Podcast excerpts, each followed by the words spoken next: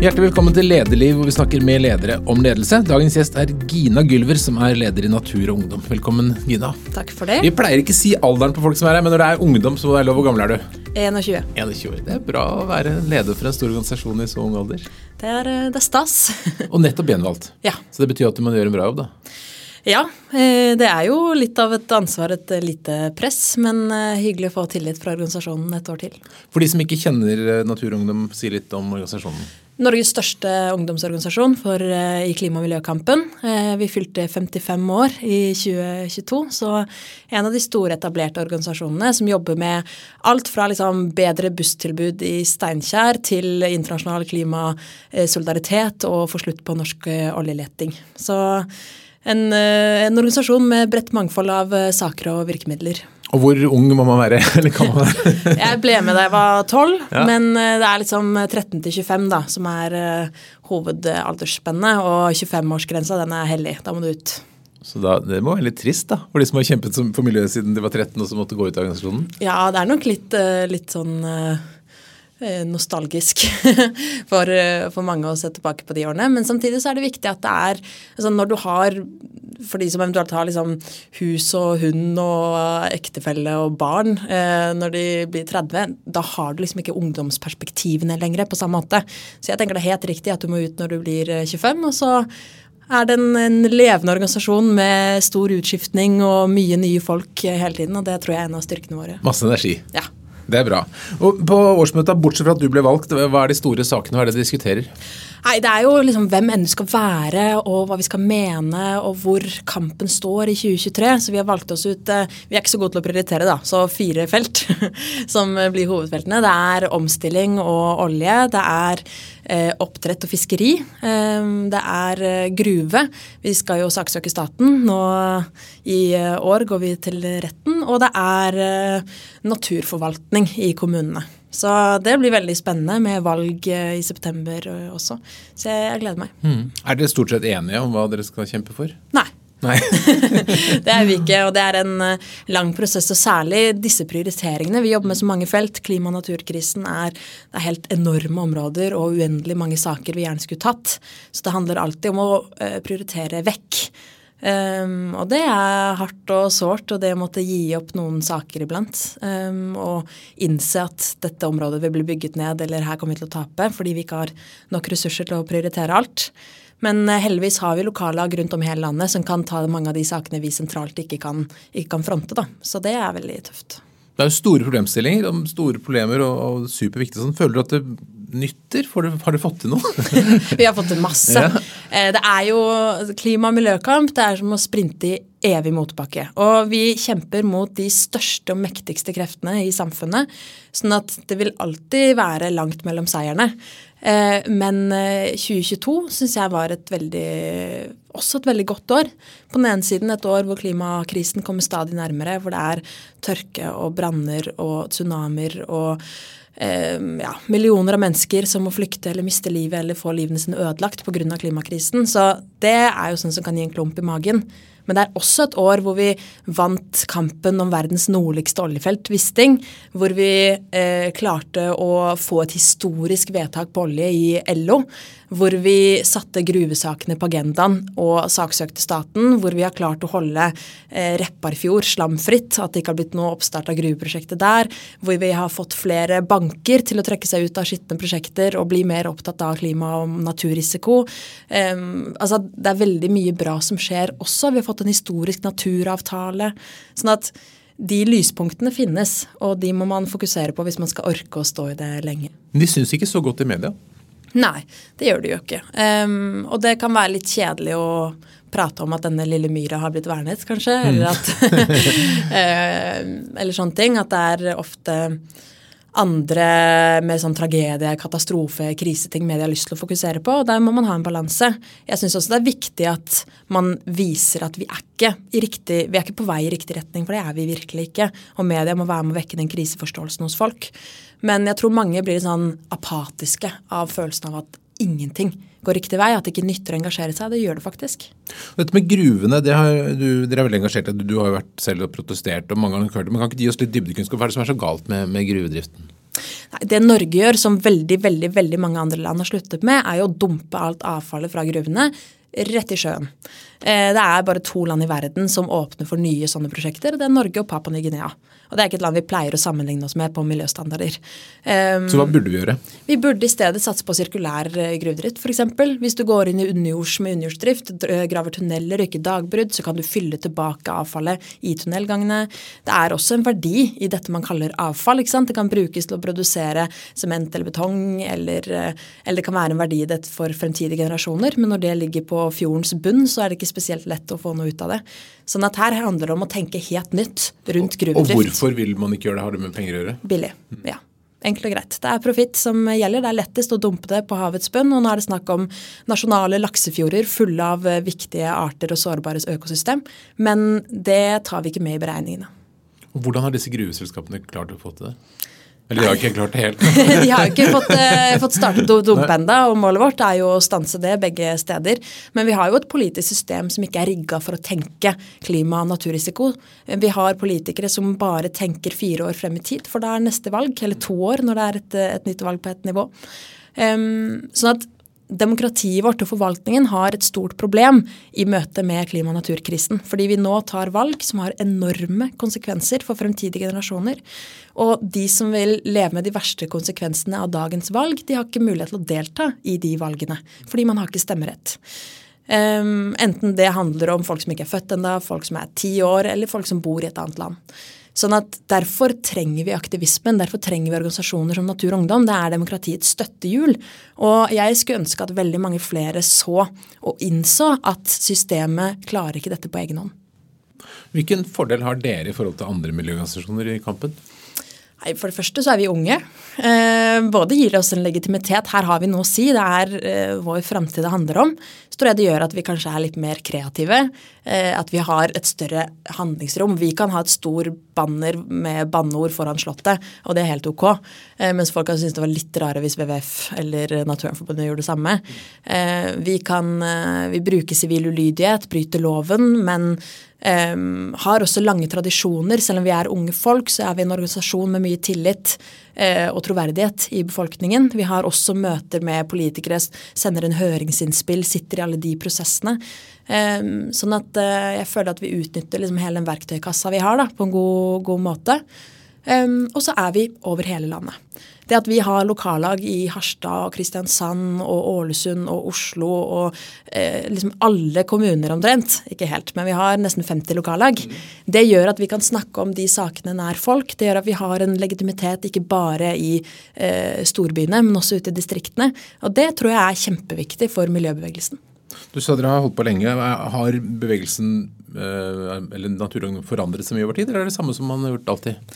Litt begge deler. Det er litt sånn komisk å se på bilder fra 80-tallet og se at alle gikk i islender. sånn, og se på liksom landsmøtet vårt i 2023, hvor salen ser egentlig ganske lik ut. Men, men vi har forandret oss en del. Da vi startet, var ennå liksom en sånn gjeng med feltbiologer som gikk ut og registrerte fremmede arter eller vårens ankomst og tittet på fugler. Og så ble det liksom mer aktivisme og politikk og mindre ut i naturen, kanskje.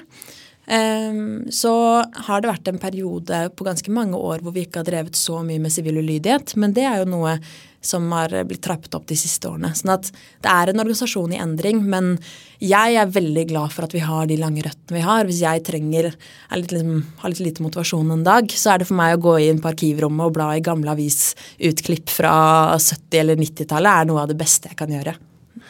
Sivil ulydighet, er det en viktig del av virksomheten? Um, absolutt. Mm. Og det er en viktig del av demokratiet. Um, det er ikke uh, Gjør man sivil ulydighet på, på, riktig måte, og så er det ikke noe som utfordrer demokratiet, men noe som styrker det. Um, vi vet at liksom, de rettighetene vi har i dag, hvis det er snakk om skeives rettigheter, kvinners rettigheter osv., det hadde aldri skjedd hvis vi ikke hadde hatt noen som utfordret dagens normer og regler. Um, sånn at uh, vi aksjonerer sivilt ulydig hvor vi bryter loven, vel vitende om at dette får konsekvenser. De er vi villige til å ta, men det trengs fordi systemet er ikke perfekt. Uh, som jeg snakket om i stad med hvem som er representert i demokratiet, f.eks. Så um, du sa sivil ulydighet på riktig måte. Hva er riktig måte? Hvordan skal det være? altså, Her er det jo, kan man blande litt begreper. Jeg er veldig tydelig på at det er jo ikke sivil ulydighet hvis du bruker vold, f.eks. Eh, så er det media som blander litt, men, men, når jeg sier på riktig måte, så er det egentlig bare sivil ulydighet. Det er ikke voldelig. Og det er en linje vi er kjempetydelige på.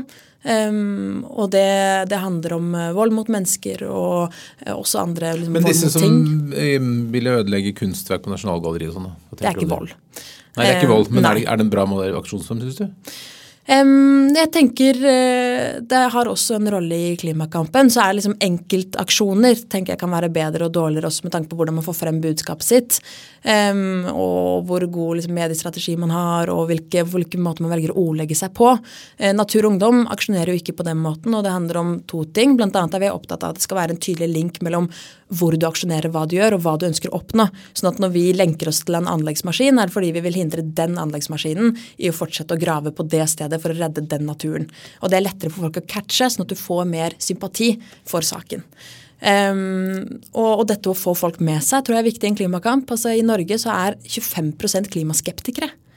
En fjerdedel tror ikke på menneskeskapte klimaendringer.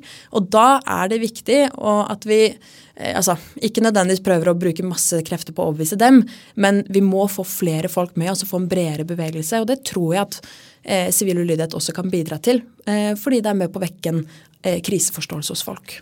Men er det også med på å gi litt uh, trykk og attraktivitet i organisasjonen? Altså Blir det lettere å få med medlemmer når de holder på litt sånn til litt action? Ja, det tror jeg. Det, er, det, er, jo noe som virkelig gir folk en følelse av mening. Av at nå skjer det noe. Nei, med å bidra i en stor og viktig kamp. Folk lærer så sykt mye. Altså, i, Ved Førdefjorden, vi hadde store aksjoner i vår, så hadde du liksom 15-16-åringer som sitter og skriver pressemeldinger og ringer journalister, som eh, skriver lange faktaark om saken, som er med på å arrangere mindre arrangementer i fjorden, som sitter vakt på en gravemaskin i timevis, som er med på allmøter, har eh, en viktig rolle i denne campen og, og, og disse aksjonene. sånn at jeg tror dette er den viktigste delen av utdanningen man kan få, er å delta i en organisasjon som dette på den måten. Og for min del merker jeg at eh, det jeg kan, som jeg tror er viktigst av det jeg kan, har jeg lært gjennom Natur og Ungdom. Mm. Da er det mange organisasjoner blant annet når vi har hatt på besøk her, som, som sliter med liksom å få folk i aktivitet etter pandemien? altså Selv ungdom at eh, ja, folk har blitt mer passive sånn. Har dere merket noe til det? Altså Det var jo sykt hardt under pandemien. Eh, og vi mistet masse medlemmer, og lokallag døde ut. Og for ungdomsorganisasjonene var det jo verst. Eh, så det har jo vi kjent på. Men, men 2022 har også vært året hvor NU har klart å reise seg igjen etter pandemien. Og det var deilig å se på slutten av året, særlig når vi hadde den store Wisting-kampanjen mot dette oljefeltet, at vi hadde arrangementer og aksjoner i 30 norske byer på samme uke. Eh, og vi vervet masse, og folk var i aktivitet overalt. og liksom vi virkelig kunne kjenne at nå er NU tilbake. da. Så vi har fortsatt en vei å gå. Jeg håper jo at uh, medlemmene strømmer inn i 2023. Det hadde vi ikke hatt vondt av. men, uh, men, det går i hvert fall i riktig retning igjen. Mm. Du nevnte klimaskeptikere. Finnes de blant ungdom også? Eller er det bare gamle menn? det er jo hovedsakelig gamle menn. Ja. Sikkert noen uh, unge også. Med, ja. Mm, og det handler jo om foreldre og miljø man vokser opp i og sånn. Men eh, det er absolutt et generasjonsspørsmål som så mye annet. Men det er noen paradokser. for De fleste unge er veldig miljøbevisste. Samtidig så er det mange som er glad i å fly og reise og kjøpe klær og, og sånn. Er mye forbruk osv. Hva tenker du om det? Den, den liksom splittelse i ungdomsgenerasjonen? Ja, jeg tenker jo, Når vi ser på forbruk, så er jo det også høyest blant din generasjon. ikke, ikke de unge, selv om det finnes eh, et skyhøyt forbruk hos oss eh, også. Um, så uh, jeg tror det er veldig viktig at man ansvarliggjør alles forbruk. Det må ned. Vi lever som om vi har uh, tilgang på mange jordkloder, men uh, sannheten er at det er én. og det må folk ta inn over seg, og flyreiser f.eks. er noe av det aller aller viktigste du kan kutte ned på. Og så på den annen side så er det politikerne som må tilrettelegge for at dette blir mulig, at det ikke blir så sykt dyrt å skulle leve miljøvennlig f.eks. At det er det mest opplagte og naturlige. Eh, men alle i Norge har et ansvar i klimakampen. og Alle må se seg selv i speilet og eh, ta en revurdering på hvordan man lever livet sitt. Men når du sier at du at du da flyr ganske lite, det, er sånn som er kjempedårlig samvittighet gang jeg flyr, men, men, blir du sett på som liksom sær og rar når du ikke vil fly? Um, nei, iblant må jeg jo, hvis jeg skal på en konferanse eller et eller annet sånt, nå, så må jeg jo skrive veldig tydelig sånn Nei, jeg skal ikke fly. Nei, jeg kan ikke være der så raskt. Jeg kommer meg ikke fra A til B på to og en halv time. Beklager, jeg bruker åtte. Um, men uh, samtidig har folk forståelse for at ledere i Natur og Ungdom kan ikke fly rundt. Um, og så har jeg veldig tydelig prinsipp om at jeg flyr ikke på ferie. Eh, så det hadde vært skikkelig fett å besøke en eh, venn på Zanzibar eller eh, dra til Vietnam i jula, liksom. Men, men, det gjør jeg ikke. Så da blir det tog? Da blir det tog. Hvordan er erfaringen med interrail? Er det bra? Veldig. Mm. Jeg elsker å reise med tog. Jeg har jo reist med interrailpass sikkert 20 ganger, tror jeg. så jeg har sett nok av europeiske togstasjoner. men, men det er veldig, veldig givende og gøy å oppleve Europa på den måten fra by til by. Så mange folk man møter og språk man kan teste ut og steder man ser. Så jeg skal på interrail i påsken igjen, eh, ned mot eh, Kroatia. Det gleder jeg meg til. Mm. Når ble ditt miljøengasjement tent? Um, kommer fra en familie hvor det er noe vi har diskutert mye. Sånn at uh, det har vært en naturlig del av praten rundt middagsbordet. Men uh, det var uh, under valgkampen i 2013 eh, hvor vi fikk ny regjering. Og, og, jeg hadde begynt å sette meg inn i klima- og miljøspørsmålene. Begynt å få ordentlig panikk for hva det her var og innebar. Eh, da var du tolv år? Ja, ja. Og merket samtidig at disse spørsmålene var totalt fraværende i hele valgkampsdiskusjonen. Det var ikke det man snakket om, det var ikke det folk brydde seg om, det var ikke det politikerne leverte løsninger for. Um, sånn at uh, det, det, var veldig skremmende å innse at dette her løser ikke politikerne på egen hånd. De har ikke noe plan, de har ikke vilje. Det kommer ikke til å skje. Um, og, og innse at da må kanskje jeg gjøre noe. For det kjentes ikke ut som at noen andre gjorde det. Og så kom jeg jo på mitt første medlemsmøte i uh, Oslo Øst Natur og Ungdom og ble møtt av 20 andre ungdommer som satt med akkurat den samme følelsen, bare at de også hadde fått noen verktøy til å faktisk gjøre noe med det. da. Og jeg forelsket meg jo helt i den følelsen og organisasjonen. Hva var det, det første du gjorde i organisasjonen? Um, det var, eh, det var, å sitte i en sofa og håpe at ingen skulle be meg si hva jeg mente. Eh, jeg syntes det var veldig skummelt å skulle bli ansvarliggjort på den måten. Eller liksom at folk eh, hørte på mine tanker. Det var litt uvant på den måten. Men det tok jo bare et par måneder før jeg ble lokallagsleder i lokallaget. Jeg hadde fullstendig angst, syntes det var veldig, veldig, veldig skummelt. Hadde vondt i magen hver uke før møtene. Men så begynte vi å jobbe mot, uh, for Bilfritt sentrum i Oslo. Uh, blant annet, og flere andre liksom, lokale saker. Og etter hvert disse gruvesakene også, som var nasjonalt. Så vi fikk jo ting å jobbe med. Vi fikk nye folk til lokallaget. Jeg lærte hvordan man drev et lokallag, og hva man egentlig gjorde som lokallagsleder. Så det, det kom seg etter hvert, men de første månedene var ordentlig, ordentlig harde. Og så ble du fylkesleder og så blitt leder. Men det å lede noe, er det som du har gjort siden du var bitte liten? Ja, Siden jeg var 13, da, mm. vel, eh, så har det vært ulike lederverv eh, i ulik skala. Og eh, ja, verst da jeg begynte. Og gått litt bedre hver gang. Men eh, det er jo veldig, veldig skummelt å ofte også skulle være leder med folk som både har mer erfaring, er eldre. Um, og det å få liksom den selvtilliten på plass først er um, er en stor jobb. Men har du noen, en slags plan for hvordan leder du vil være? Um, ja, jeg håper jo Jeg har en veldig sånn tydelig idé av hva jeg tenker en god leder er. Så er det jo ikke alltid man får til det. Hva er en god leder? Det er en som, uh, som, inspirerer og motiverer, som løfter frem andre, uh, gir plass. Uh, vi har masse dyktige folk i Natur og Ungdom. En som bruker folka rundt seg. Før jeg skal i en debatt, så sitter ikke jeg alene og leser meg opp på masse rapporter. Da spør jeg de som kan det i sentralstyret, hva de mener. Um, som er god til å se folk. Hvis man skal ha et arrangement, så hjelper det ikke bare å folk på scenen. Du må ha de som setter frem 100 stoler også. på en måte.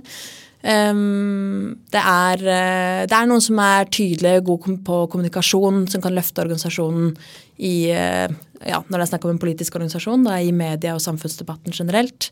Um, ja, så er det jo mange andre ting. Det er jo en mm. uendelig liste med ting har du, man skal få til. Har du et forbilde? Et lederforbilde?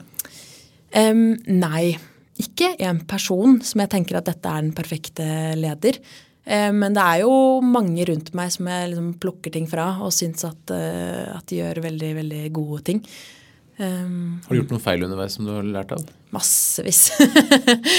massevis. Nei, jeg tror liksom den første ordentlig store feilen jeg gjorde, som jeg angrer på den dag i dag, eller jeg tror jeg lærte mye av det, da, det var uh, høsten etter at jeg hadde blitt lokallagsleder, så 2014. Um, og så skulle vi arrangere vår første aksjon i lokallaget. Det var ganske svakt lokallag, ikke så mange aktive. Og jeg hadde aldri arrangert en aksjon før. Jeg visste ikke hva det var. Jeg hadde sett på litt bilder, og planen var liksom at vi skulle stå ute i veien i Hausmanns gate med noe skilt hvor det sto 'Bilfritt sentrum'. For jeg var sånn, det er kanskje en aksjon. Og så var det bare så dårlig forberedt, og jeg følte meg så usikker på hele greia. Jeg hadde fysisk vondt i hele kroppen før vi skulle ut. Og jeg eh, turte ikke å møte opp. Så jeg sendte melding til nestleder og sa at jeg var syk, og ba dem aksjonere uten meg. Og det skammet jeg meg så utrolig mye over i ettertid. Um, Innrømmet du det? Nei. nei. Det gjorde jeg ikke. så dette er første gang det offentliggjøres. nei, men uh, um, Men du var det, redd, rett og slett? da? Ja, jeg syntes det var flaut. Jeg var så usikker på hva jeg liksom, gjorde, og hva folk ville tenke. Og det å ikke bare stå gå ut der og stå med det skiltet om vi så var tre personer, bare for å gjennomføre, fordi det var det en lokallagsleder skulle gjort. Eller møte opp og si folkens, dette gjør vi ikke, la oss skru på en film og se, spise pizza i stedet. Eller skrive et leserinnlegg. Men det å liksom bare feige ut på den måten ja, Så er det lenge siden, og jeg har deltatt på masse mislykkede aksjoner etter det. hvor jeg har på en måte bare eh, stått i det og uh, følt meg litt teit, men det har gått bra. Um, og veldig mange som jeg trodde skulle gå dårlig, og så blir det en skikkelig fin opplevelse fordi man er der og gjør noe sammen. Um, så det å det å også være den som liksom take the blame når ting ikke går bra, eller um, er der og ja, tør å være der det ikke er noe gøy å være også, uh, er, er, viktig. Syns du det er gøy å være leder? Ja. Ser du for deg at du skal være ledende resten av livet? Um, nei, ikke nødvendigvis. Det er ikke sånn at det jeg drømmer om å være, er leder. Eh, og jeg er veldig takknemlig for at det er Natur og Ungdom jeg gjør det i. Både syns jeg det er den beste og viktigste organisasjonen å være i, så er det en organisasjon hvor jeg har veldig lyst til å gi noe tilbake, for den har gitt meg så mye. Jeg hadde jo ikke vært i nærheten av den samme personen som jeg er i dag, uten NU. Um, og det å da kunne nå bruke hele livet på å gi den tilbake til NU, det kjennes veldig bra.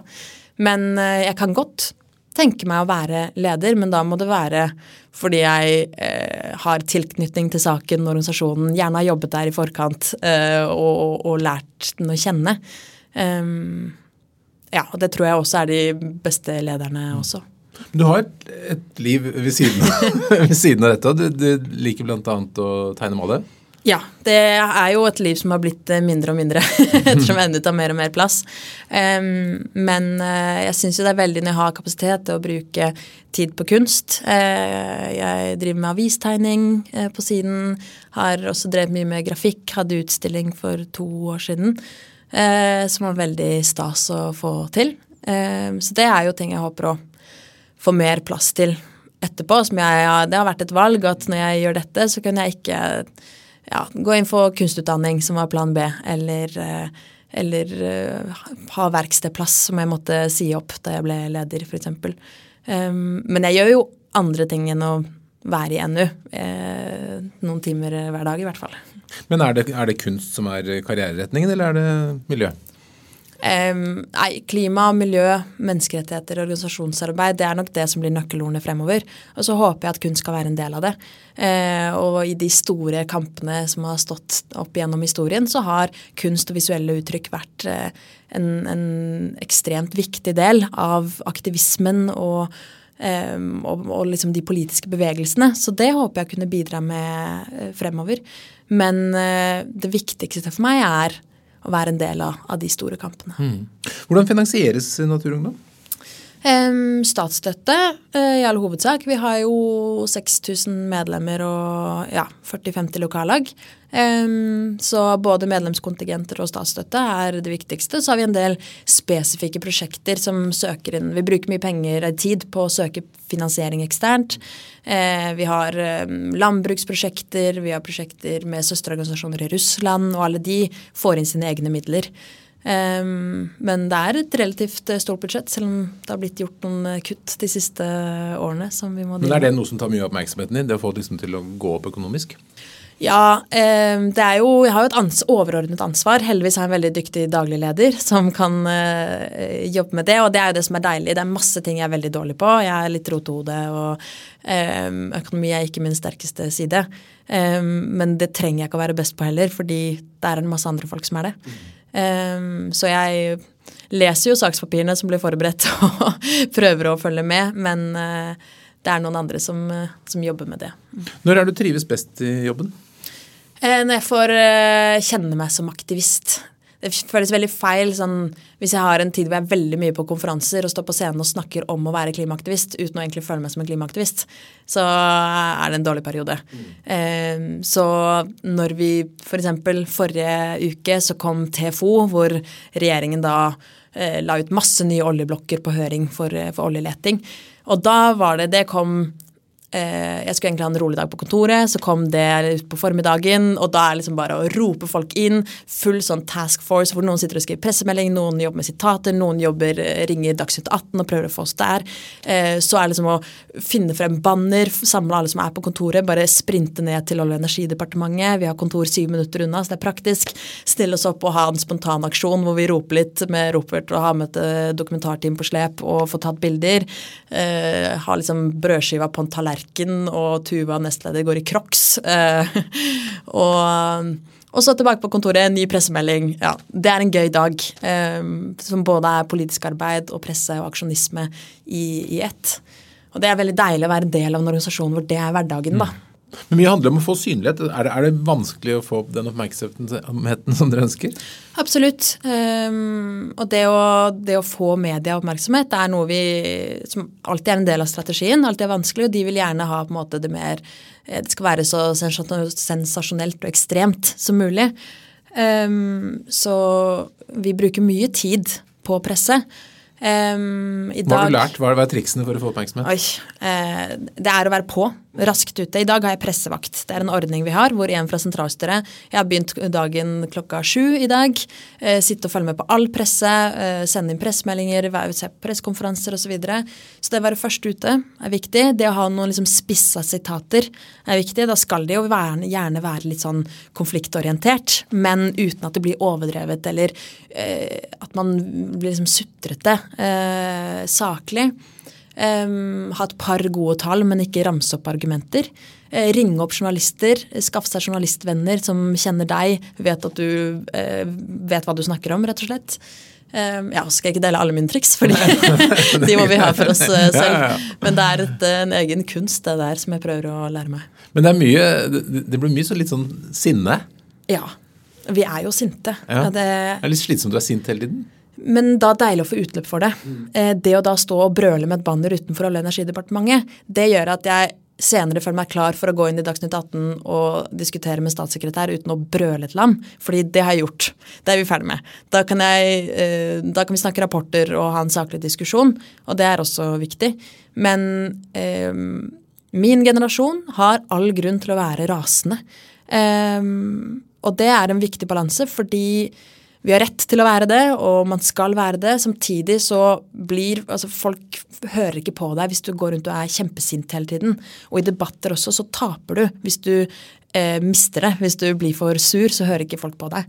Sånn at eh, det å alltid fremstå saklig, det å klare å sortere hodet, det å eh, legge litt lokk på følelser når man går inn i møter eller debatter, det er en vanskelig og viktig øvelse. Men tenker du at klimakampen i stor grad er en generasjonskamp? En generasjonskamp eh, er det, men også eh, det er en solidaritetskamp. Det handler ikke bare om alder heller, men geografi. Eh, om minoriteter, om mer sårbare grupper som blir rammet hardere. Eh, klimaendringene er her jo nå. Tar jo liv i dag, i går, i morgen. Eh, sånn at eh, det er ikke bare måtte, norske 17-åringer det er synd på. men man skal ta inn over seg det alvoret. Og det handler litt om hvordan man møter unge aktivister også. At man må huske hva vi har med oss eh, inn i en debatt om eh, eh havvind eller oljeleting eller eh, naturødeleggelser. At, at, dette her er eksistensielle trusler som vi aldri Og vi har aldri blitt bedt om å eh, bli født inn i et historisk øyeblikk hvor klimakamp er noe som ikke kjennes som en mulighet, men et ansvar og en nødvendighet. Um, men, men, den historiske tiden er akkurat nå. Eh, og jeg personlig føler ikke at jeg har et valg om å la være å delta eh, i denne, denne, kampen. Sånn at eh, mange politikere og andre voksne kunne hatt en god del mer ydmykhet i møte med unge aktivister i klima- og miljøspørsmål. Men det er jo, Du, du, Vi nevnte klimaskeptikere som tror at det ikke er noe problem. Men, men, blant de som erkjenner at det er problem, så er det også en ganske stor gruppe som tenker at dette løser seg med ny teknologi. Det kommer sikkert noen oppfinnelser, så, så går dette bra. Nå kommer elflyet, så da blir det fint. Hva mm. tenker du om det? Én ting er at hvis du faktisk går inn i forskningen og, og, teknologien, så er det ganske lite som tyder på at det her kommer til å løse seg på egen hånd. Eh, så det er, ha, det er, jo bare ikke ville forholde seg til problemet. Og så syns jeg også det er helt sykt å skulle gamble på at dette går bra eller ikke. At millioner av mennesker kommer til å miste husene sine og måtte flykte. At arter vil dø ut, at hele området vil bli ubeboelige. Sånn at vi bare gambler på at noen finner opp et eller annet lurt noe som vi akkurat nå ikke helt vet hva skal være. Um, og så kan vi jo, selv om utviklingen går fort, så kan vi også som sagt se hva som akkurat nå virker teknisk mulig å få til i fremtiden og ikke. Elfly f.eks. Ja, på kortbanenettet noen strekninger, men vi har også energiknapphet. Det er ikke sånn at alt kan gå på letterstrøm og vi kan fly jorda rundt med elfly eh, om eh, to tiår. Karbonfangst og -lagring f.eks. Det er ikke sånn at vi bare kan hente ut all karbon fra atmosfæren, pumpe det ned i jorda, så er problemet løst. Vi har ikke noe teknologi nå som kan eh, Eller utsikter til noe teknologi som kan fikse det for oss. Sånn at jeg tror veldig mange teknologioptimister bare ikke vil forholde seg til den ubehagelige sannheten, som er at vi må gjøre noen eh, enorme endringer akkurat nå og vi kan ikke håpe at det skjer et mirakel i fremtiden. Men så er det den andre gruppen som sier at ja, ja, men vi er jo bare en promille av jordens befolkning, så har ikke så veldig mye å si hva vi gjør her i Norge fordi at India er mye verre eller et eller annet sånt. Hva tenker du da? Mm. Um, altså det ble lansert en rapport i går fra World Inequality Lab som nettopp snakker om eh, forskjellen i utslipp med tanke på de rikeste og de fattigste. Vi er i den aller, aller, aller rikeste prosentandelen i verden som har enorme utslipp i forhold til hvor få vi er. Eh, sånn at det har faktisk noe å si hva Norge gjør på utslippene i verden, fordi vi bare har et helt crazy forbruk på steroider. ikke sant? Um, sånn at er ikke, Vi er ikke bare en dråpe i havet. Det har noe å si hva vi gjør. Det er det ene, den ene biten. Og det andre er at alle må kutte. Og hvis Norge, verdens rikeste land, som er best rusta for omstilling, ikke skal gjøre det, hvem er det vi mener skal gjøre det da? Det handler om å ta del av den dugnaden, fordi um, vi kan ikke bare peke på alle andre, for ingen har lyst til å gå foran. Uh, men noen må gjøre det. Mm. Hvis du fikk en, eh, en tryllestav eller en magisk formel og kunne løse et par miljøproblemer med en gang, hvor ville du startet? Hva er de viktigste tingene å ta tak i?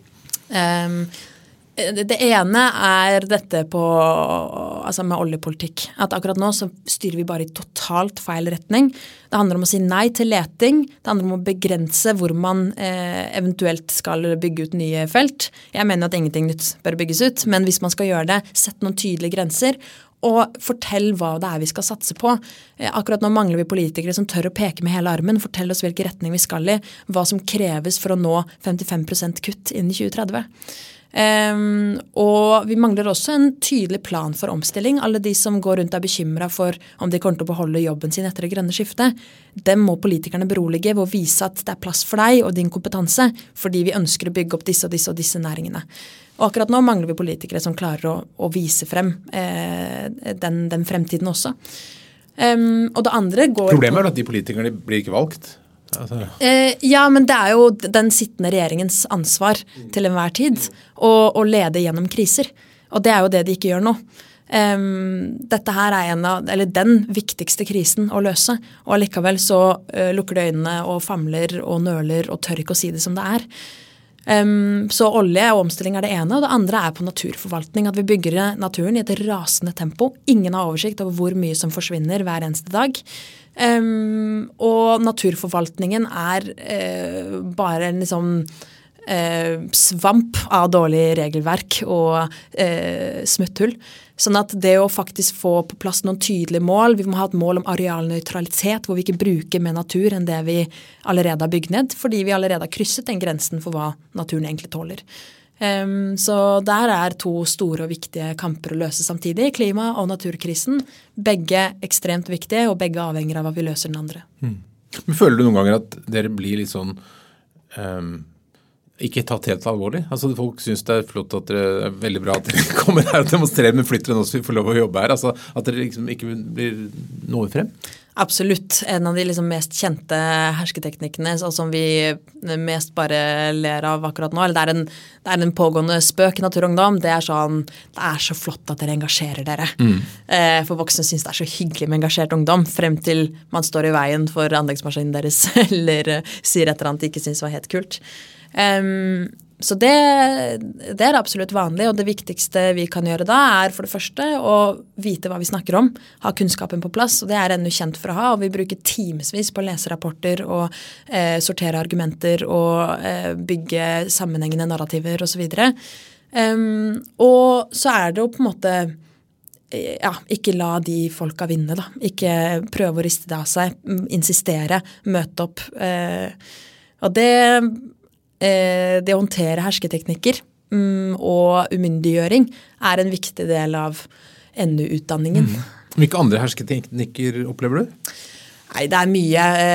Det kan være liksom latterliggjøring, eh, bare le ting bort, eller den vi kaller klamme klemmer, mm. som er å si bare late som at vi er enige.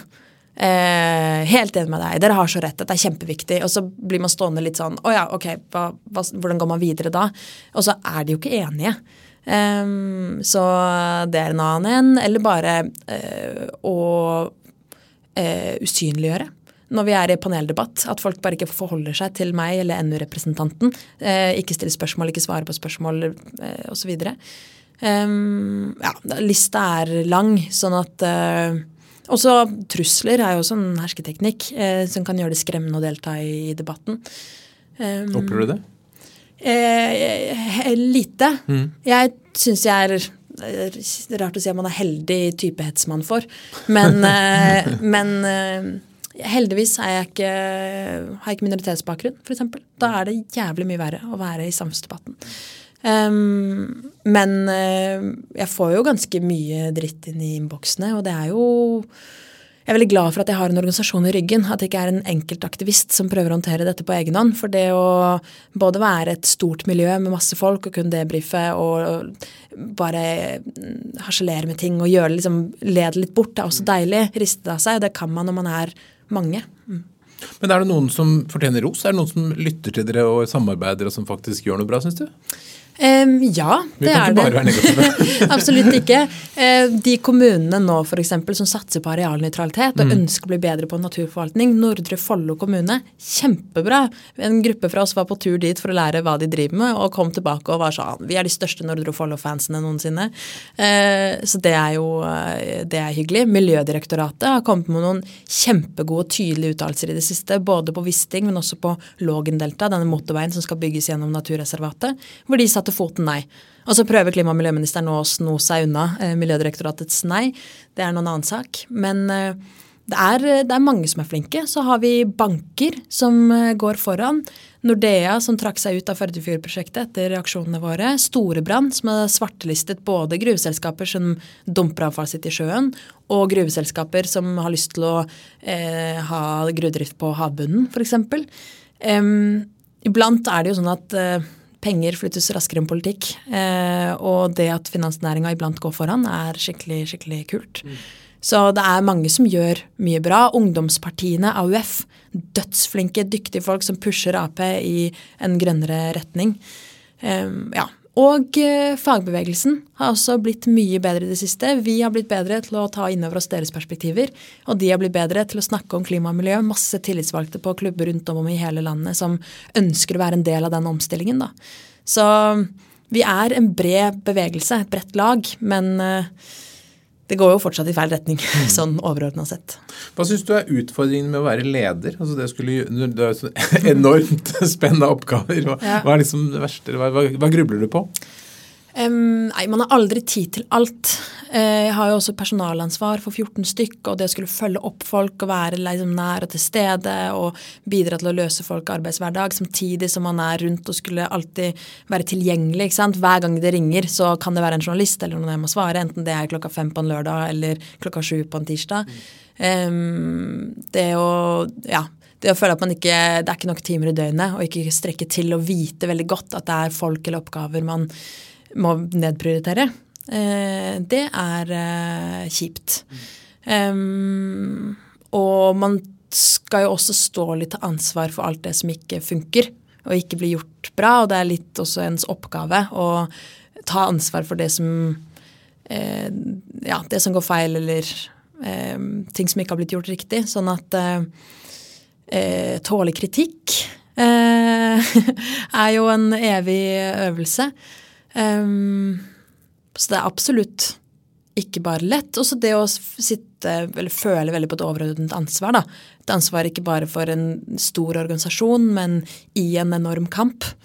Um, er også uh, ja, en uh, mange kilo på skuldrene uh, iblant. Men mest av alt er det givende.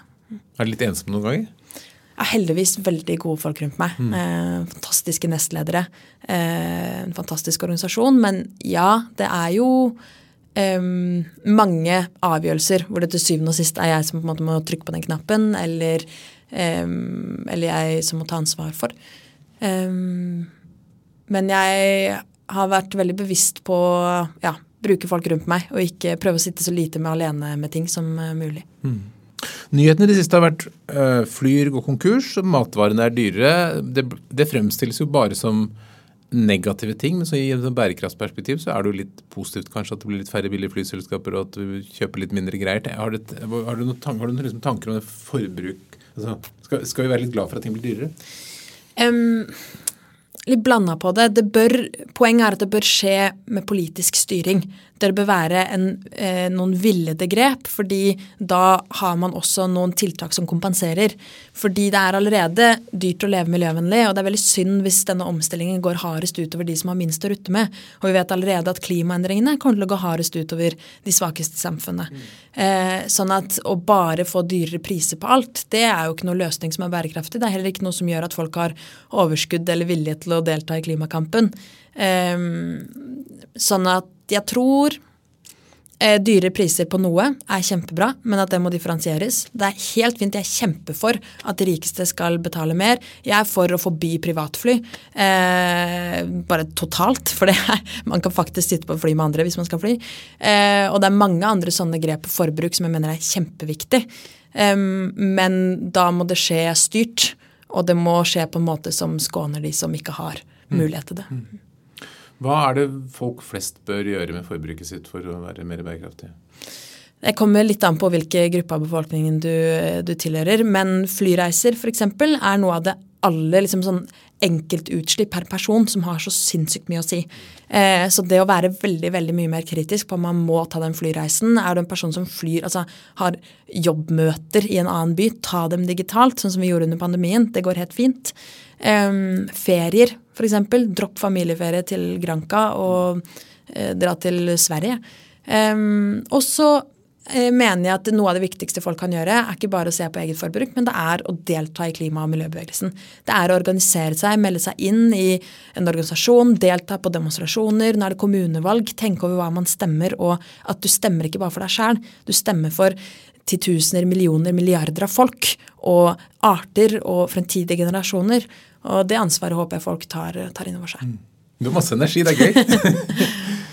eh, helt til slutt, eh, Gina. Hvis, du, hvis, det kommer en ung person til deg og har lyst til å bli leder, da, kanskje, kanskje en tolvåring som kommer inn i Natur og Ungdom vil bli leder sånn som deg. Hva er de tre viktigste lederrådene vi Hvordan blir man en god leder? Mm.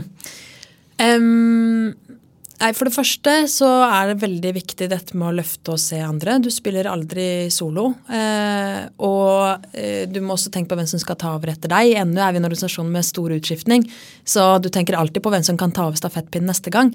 Og det å da gi dem mulighet til å skinne litt, til å ta det intervjuet, til å få noen utfordringer, er veldig, veldig viktig.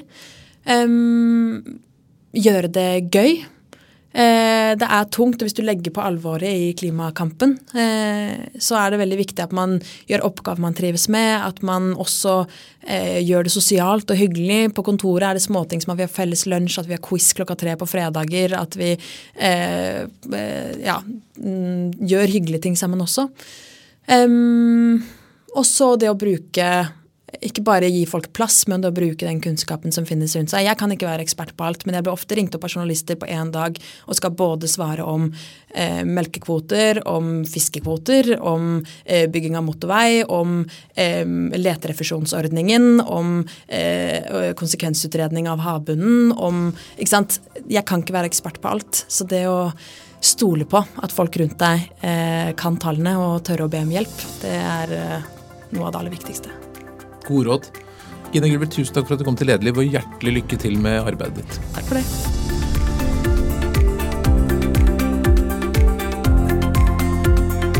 Lederliv er en podkast fra kommunikasjonsbyrået Apeland. Vi legger ut nye episoder hver eneste fredag. Redaksjonen består av Ingrid Hogneland, Lars Bolden, Lars Jarli Melum og meg, som heter Ole Kristian Apeland. Tusen takk for hyggelige tilbakemeldinger og tips om ledere. Bare fortsett å sende til oleatapeland.no.